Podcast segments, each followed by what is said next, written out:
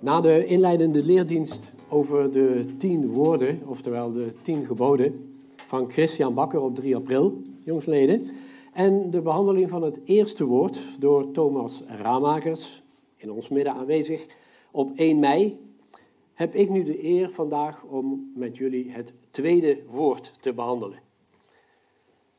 Deze volgende leerdiensten die handelen dus over de tien geboden, wat in feite geen tien geboden zijn.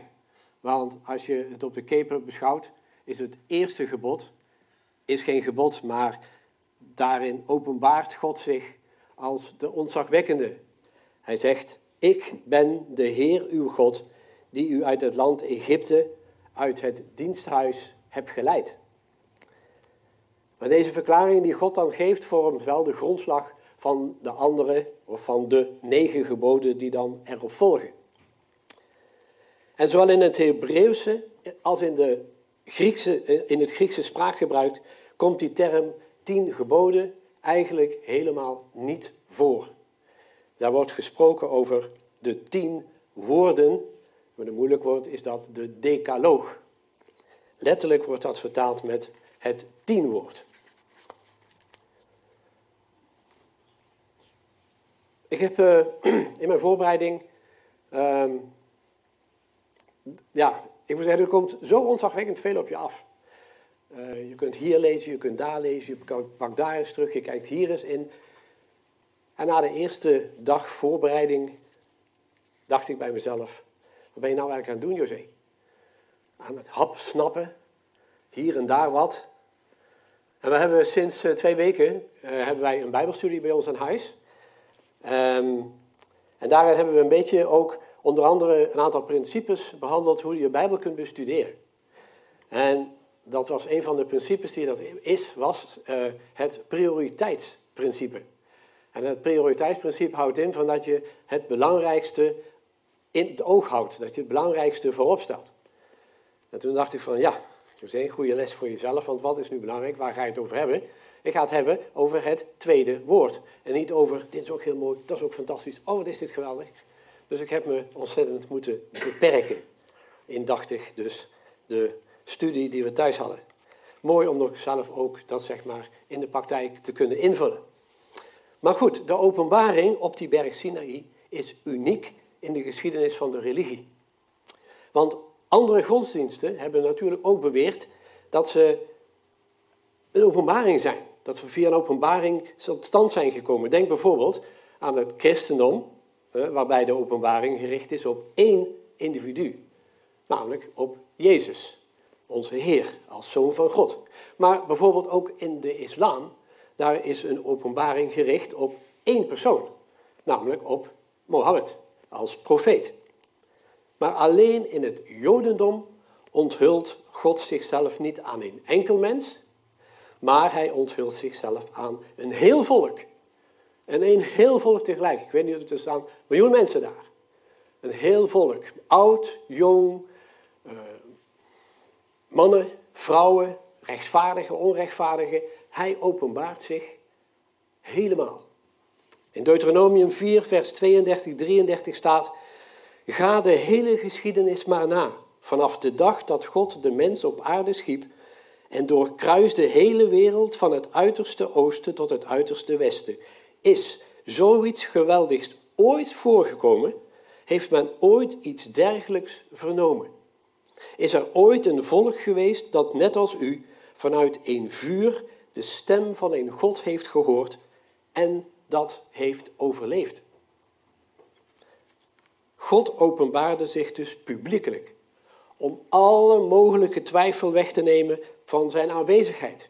daar werd, zijn aanwezigheid werd gevoeld. Er werd een stem gehoord vanuit het, vanuit het donker, de, de donder. En hij wilde daarmee zeggen van ik ben er echt. Ik ben er nu op dit moment echt en ik ben er alleen maar nu voor jullie. Het is gewoon geweldig hoe dat God zich op die manier heeft geopenbaard. Dan ga ik nu nogmaals lezen vanaf het begin van Exodus 20, vers 1 tot en met 6 in dit geval. Toen sprak God deze woorden.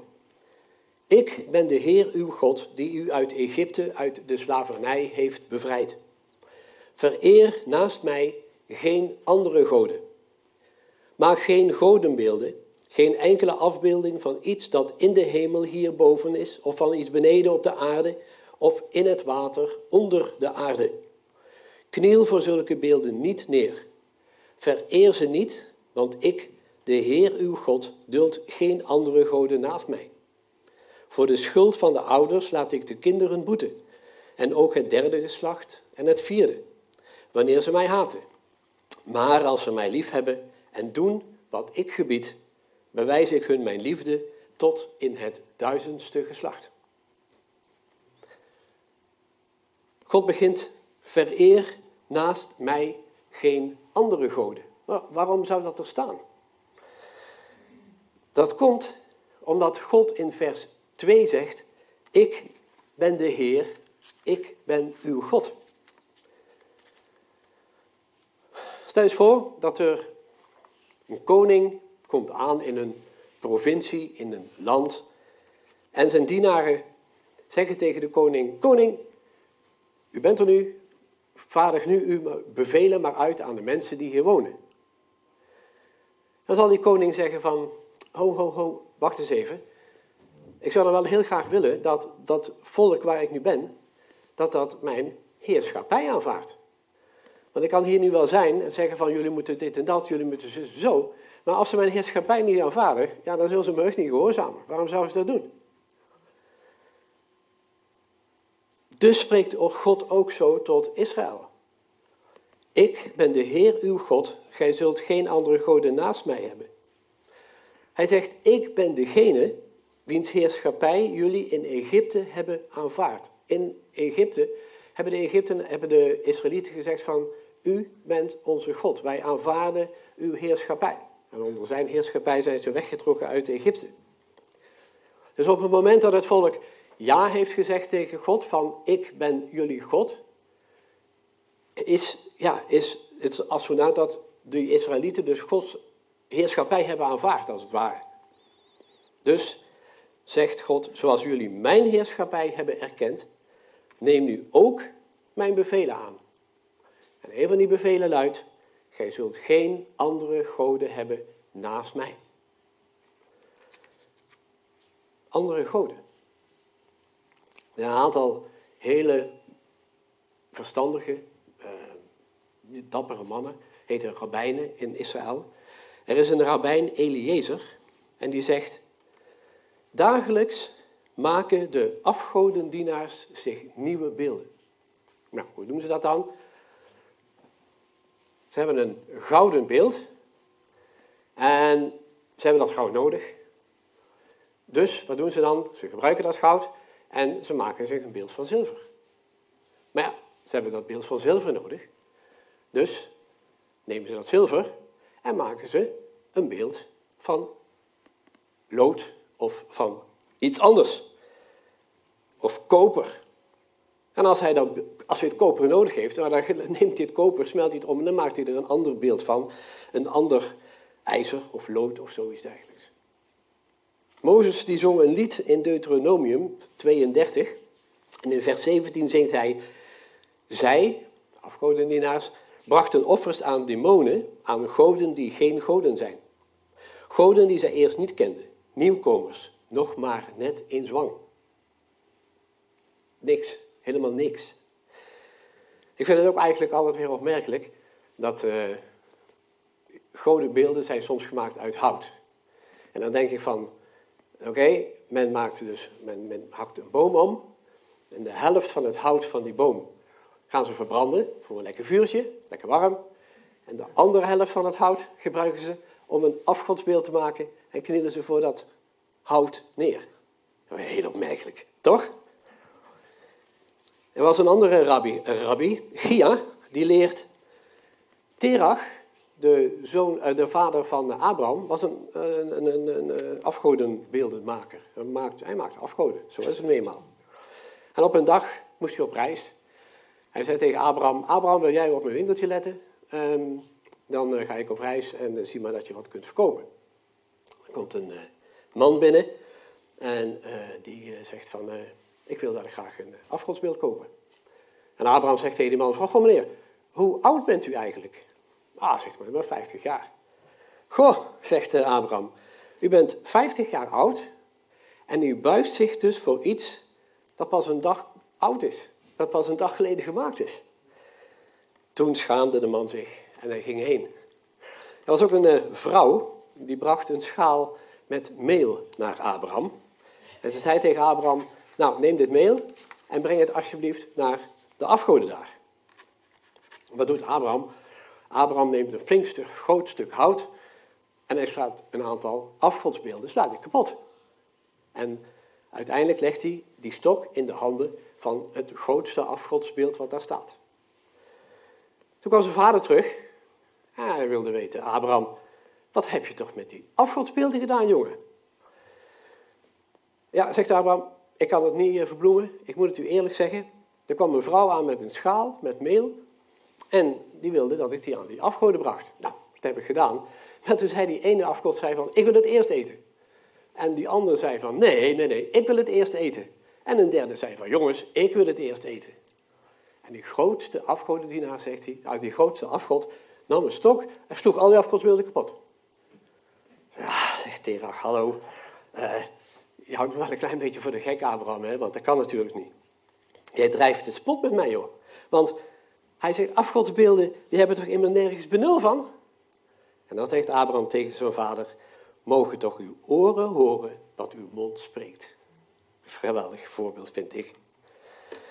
Voor het Jodendom is het een centraal gebod om van God geen beeld te maken. En op geen enkele manier vorm te geven aan hem. Want in de wereld om Israël was het gebruikelijk om van een God een beeld te maken. Men smeet godenbeelden, droeg die bij zich, knielde voor hen neer en God verbiedt het volk om dergelijke beelden van hem te maken.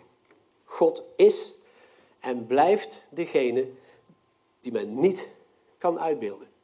God is heel anders. En tegelijkertijd kunnen we hem niet in twijfel trekken. God blijft voor de Joden steeds de onbegrijpelijke, die zich onttrekt aan ons intellectueel begripsvermogen. En wellicht is dat voor ons ook wel het geval. Beelden zijn altijd voortbrengsels van een mens.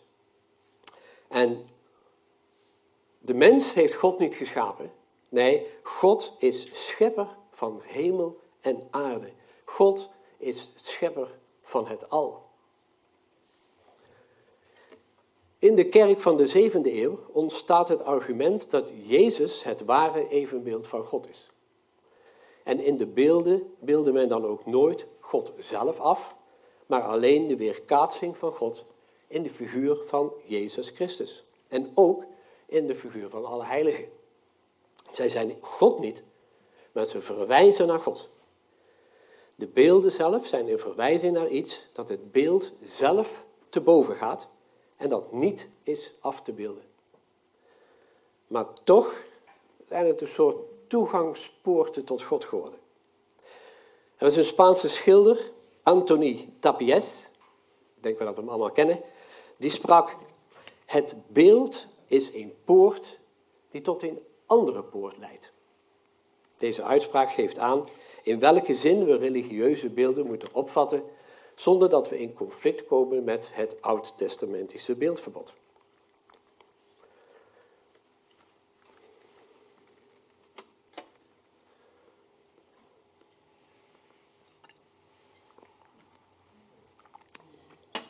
heeft er van. Het moet duidelijk zijn dat onze tekst op zich geen radicaal verbod op alle beeldvormen inhoudt. Bijvoorbeeld te noemen, op de troon van Salomo waren grote leeuwen afgebeeld. En op de ark, in het, uh, voor, in het uh, heilige der heiligen, daar stonden twee gerubs boven, beelden dus. Nee, het gebod is uitsluitend gericht op afbeeldingen van afgoden en op afbeeldingen van God. Het is een verbod op het maken van cultische beelden, beelden die wat te maken hebben met religie. Waarbij bedacht dient te worden dat in de oudheid en in de christelijke middeleeuwen de kunst had een overwegend religieus karakter. Het was eigenlijk zo dat in die kunst het belangrijkste was dat, die, dat het ge, zeg maar hoe moet ik dat noemen? Dat het duidelijk was dat in die kunst het ging vaak om cultische beelden, om religieuze beelden. En het is verboden om voor, welk beeld dan ook neer te werpen, of om het te dienen, of om het te aanbidden. In de tekst hebben we gelezen, maak geen godenbeelden, geen enkele afbeelding van iets dat in de hemel hierboven is, of van iets beneden op de aarde, of in het water onder de aarde. Men mag geen afbeelding maken van iets in het water onder de aarde. Het water onder de aarde. In de hemel hierboven, daar kan ik me van bij voorstellen. Op de aarde, kan ik ook nog begrijpen. Maar in het water onder de aarde. Het staat er wel, wat we gelezen hebben. Ik heb een verklaring gevonden. Aangezien de wateren in Egypte en in het Sinaï-gebied zich op een lager niveau bevinden dan het land, liggen ze onder de aarde. Dat wil zeggen, onder het niveau van het landoppervlak. Hier is het land en de wateren in Egypte en is lager, dus lager. Misschien wordt daar dat mee bedoeld. En dan zou het ook kunnen kloppen wat, uh, wat er staat. De of ja, die vertaling zou dan eigenlijk moeten worden: de wateren die lager liggen dan het land. Dat zou ik nog kunnen begrijpen, dat we van hen geen afgodenbeelden mogen maken. Ik moest even over nadenken, denk van, wat staat er nog eigenlijk? Deuteronomium 4, vers 16 tot 18, daar staat, misdraag u niet door een godenbeeld te maken, een afbeelding van welk wezen dan ook, man of vrouw, of van een dier dat op het land leeft, of van de vogels in de lucht, van kruipende dieren, of van vissen in het water onder de aarde. In Deuteronomium staat dat daar nogmaals. Maar, we hadden het er gisteren, uh, vrijdag nog even over met een aantal mensen, wellicht is het hele vers beeldspraak. En wordt er gewoon mee bedoeld dat er dus in het geheel, dus allesomvattend, dat er dus geen godenbeelden mogen worden gemaakt. Vast staat dat pas nadat het christendom tot staatsgodsdienst was geworden, een christelijke kunst in de eigenlijke zin is ontstaan, wat wij dan noemen het Byzantijns. En van toen af aan is een zich steeds verder verspreidende christelijke kunst het dragend element van de kunstgeschiedenis geworden. En de christelijke kunst schrikt er niet voor terug rechtstreeks afbeeldingen te maken van God. Er ontwikkelden zich iconografische typen waarbij God de Vader als een patriarch werd afgebeeld, vaak ook nog met een tiara op het hoofd, met naast zich de Zoon en boven zich de Heilige Geest in de vorm van de, gestalte van een duif.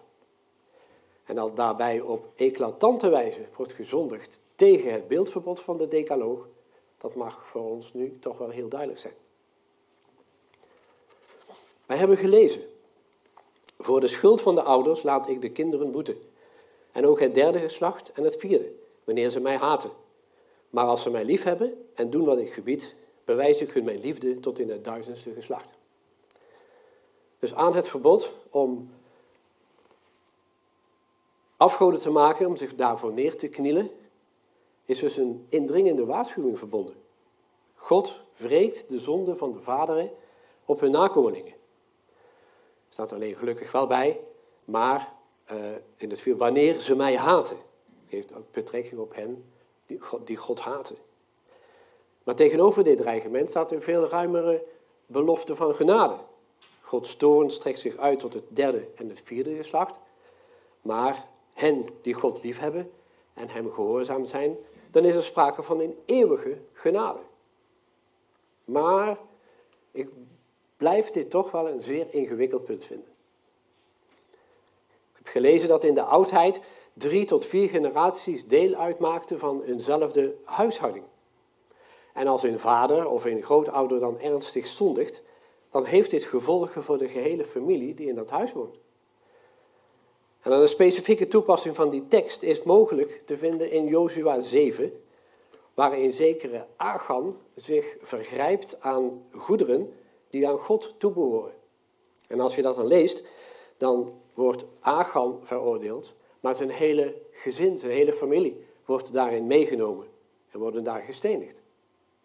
En hoewel dat een voorstelling is die ons rechtvaardigheidsgevoel waarschijnlijk wel een beetje uh, tegenstaat, is het toch zo dat de ervaring leert dat onrechtvaardig gedrag van een vader een negatieve uitwerking heeft op het gehele gezin. En overigens moeten we ons nee, moeten we, moeten we beseffen dat, de voor, dat in, het, in de Bijbel, dat in de voortgang van de openbaring, dat daar steeds meer accent komt te liggen op een persoonlijke verantwoordelijkheid.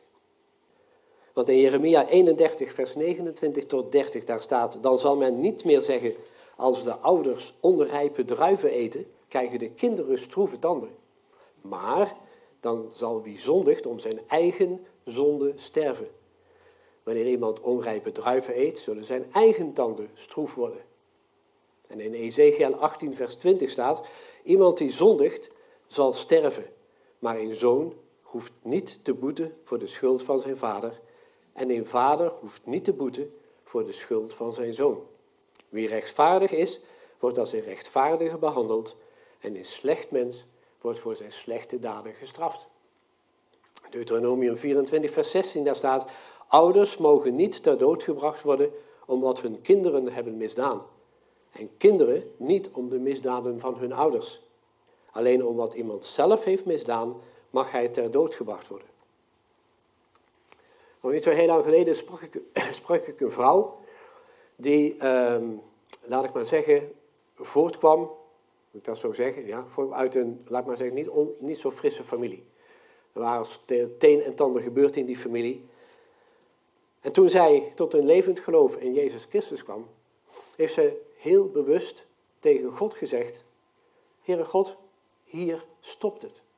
Al dat negatieve die invloed heeft gehad, stopt hier nu. Ik heb een nieuw leven begonnen en ik wil nu hebben dat die negatieve dingen, die nu stoppen op dit moment. De voortgang stopt op dat moment dat zij de Jezus had leren kennen. Ik ben een nieuwe schepping, zegt ze. Hier begint een nieuw leven. De praktijk van alle dag. In eerste instantie heeft onze tekst slechts betrekking op het vervaardigen van gebeeldhouwde, gesneden, gegoten en tenslotte ook geschilderde en getekende cultische beelden op het oog. En toch kan ook dit verbod nog gelden voor de hedendaagse mens. En dan gaat het niet enkel over, zeg maar, een werkelijk fysiek beeld. Kunnen we eigenlijk wel over God spreken zonder dat we een beeld van Hem hebben gemaakt? Vaak hebben we de neiging om God met enig geweld in te passen in onze manier van denken. Reduceer God niet tot je eigen denkbeelden. Laat God God zijn.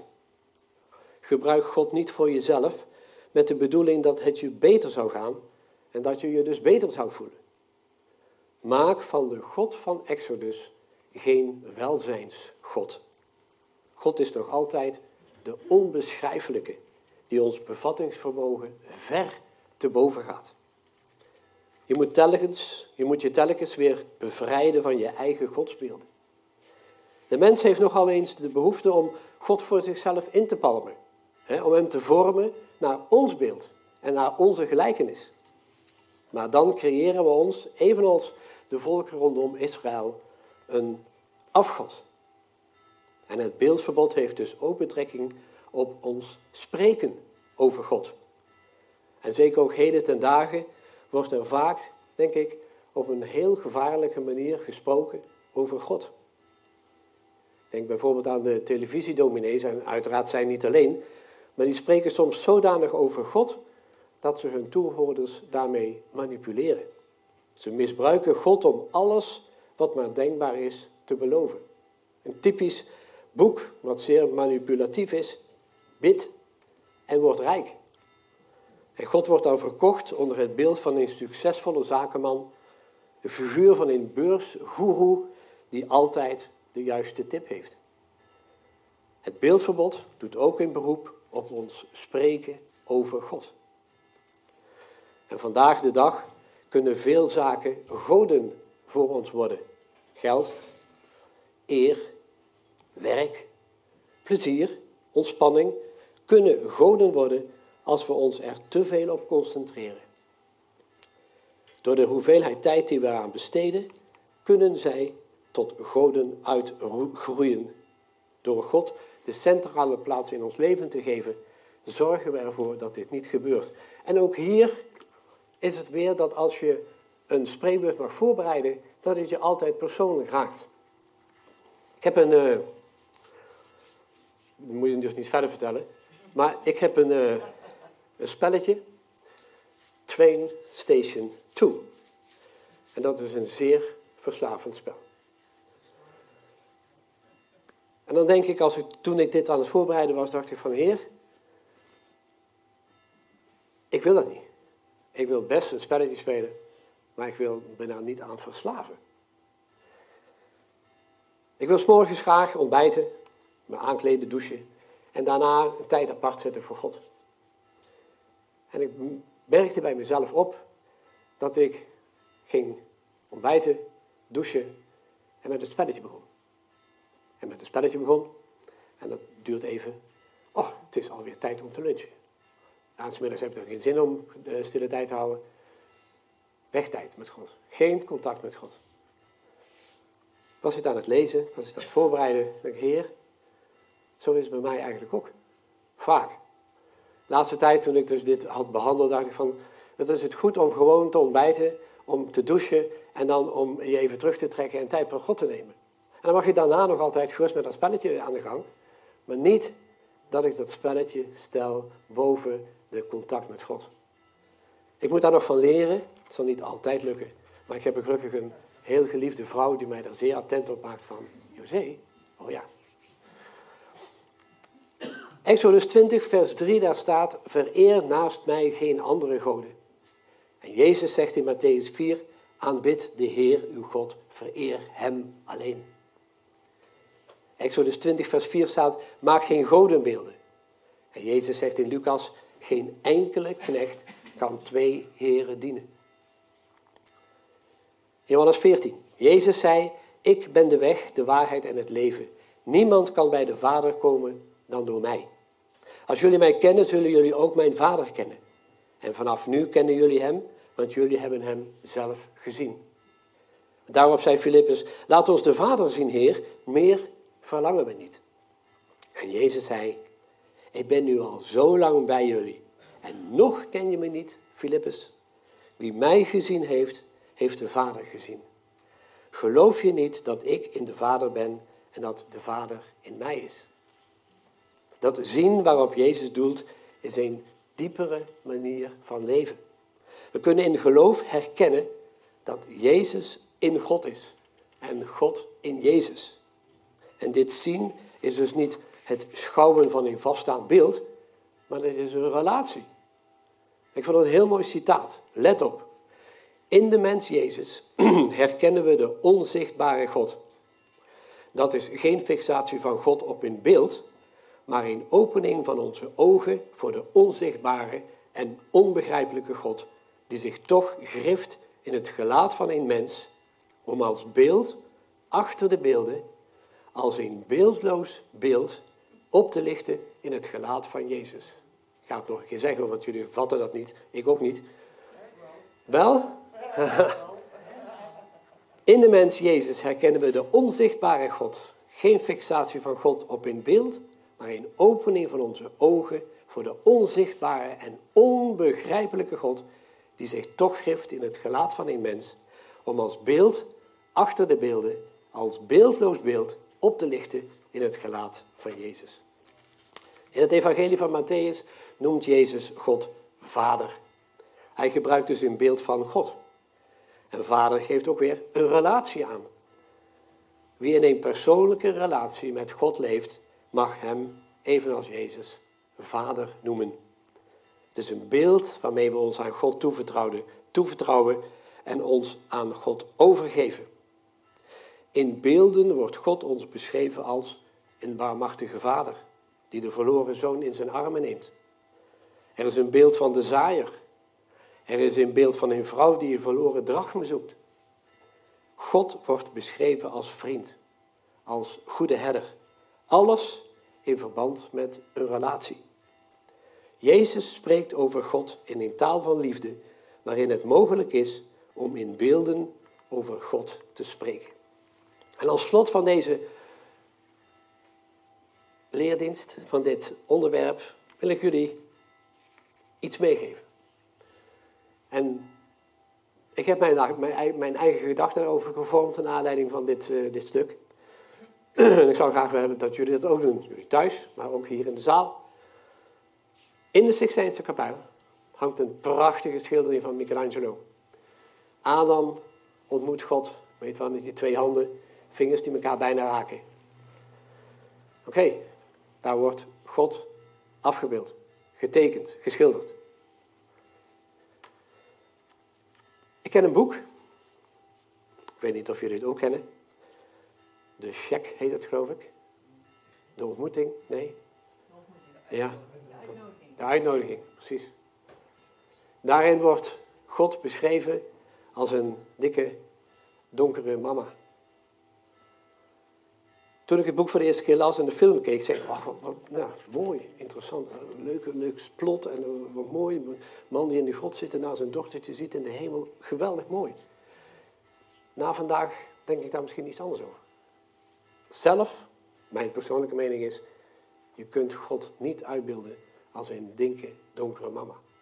Maar ik leg het bij jullie neer, jullie mogen daar zelf over nadenken. Als laatste, er wordt veel over God gesproken en geschreven, ook in de seculiere media. Maar welk beeld hebben wij van Hem? Misschien is Hij wel anders dan wij vermoeden. Laten we voor onszelf eens nagaan welk beeld dat wij van God hebben. Misschien is God slechts de persoon aan wie we voortdurend verlanglijstjes voorleggen. Het kan ook zijn dat we God zien als degene die voortdurend let op wat we wel en wat we niet doen. En mogelijk zijn we al jarenlang naar Hem op zoek en hebben hem nog steeds niet kunnen vinden. Of is God voor ons alleen maar een God van liefde die het allemaal wel goed vindt? Is God voor ons de ik ben? De God die een naam heeft, die heel dichtbij is. Of is hij nog een God die op grote afstand blijft? Kennen wij God door Jezus Christus? Jezus die naar deze aarde kwam om ons met God te verzoenen. Als dat zo is, dan is hij ook voor ons de ik ben. En dan wordt de vraag naar God wordt dan geen vraagteken, maar een uitroepteken. Ik ben, zegt God. Omdat we Hem hebben leren kennen. Niet door onze eigen inspanningen, maar door Zijn genade. Amen.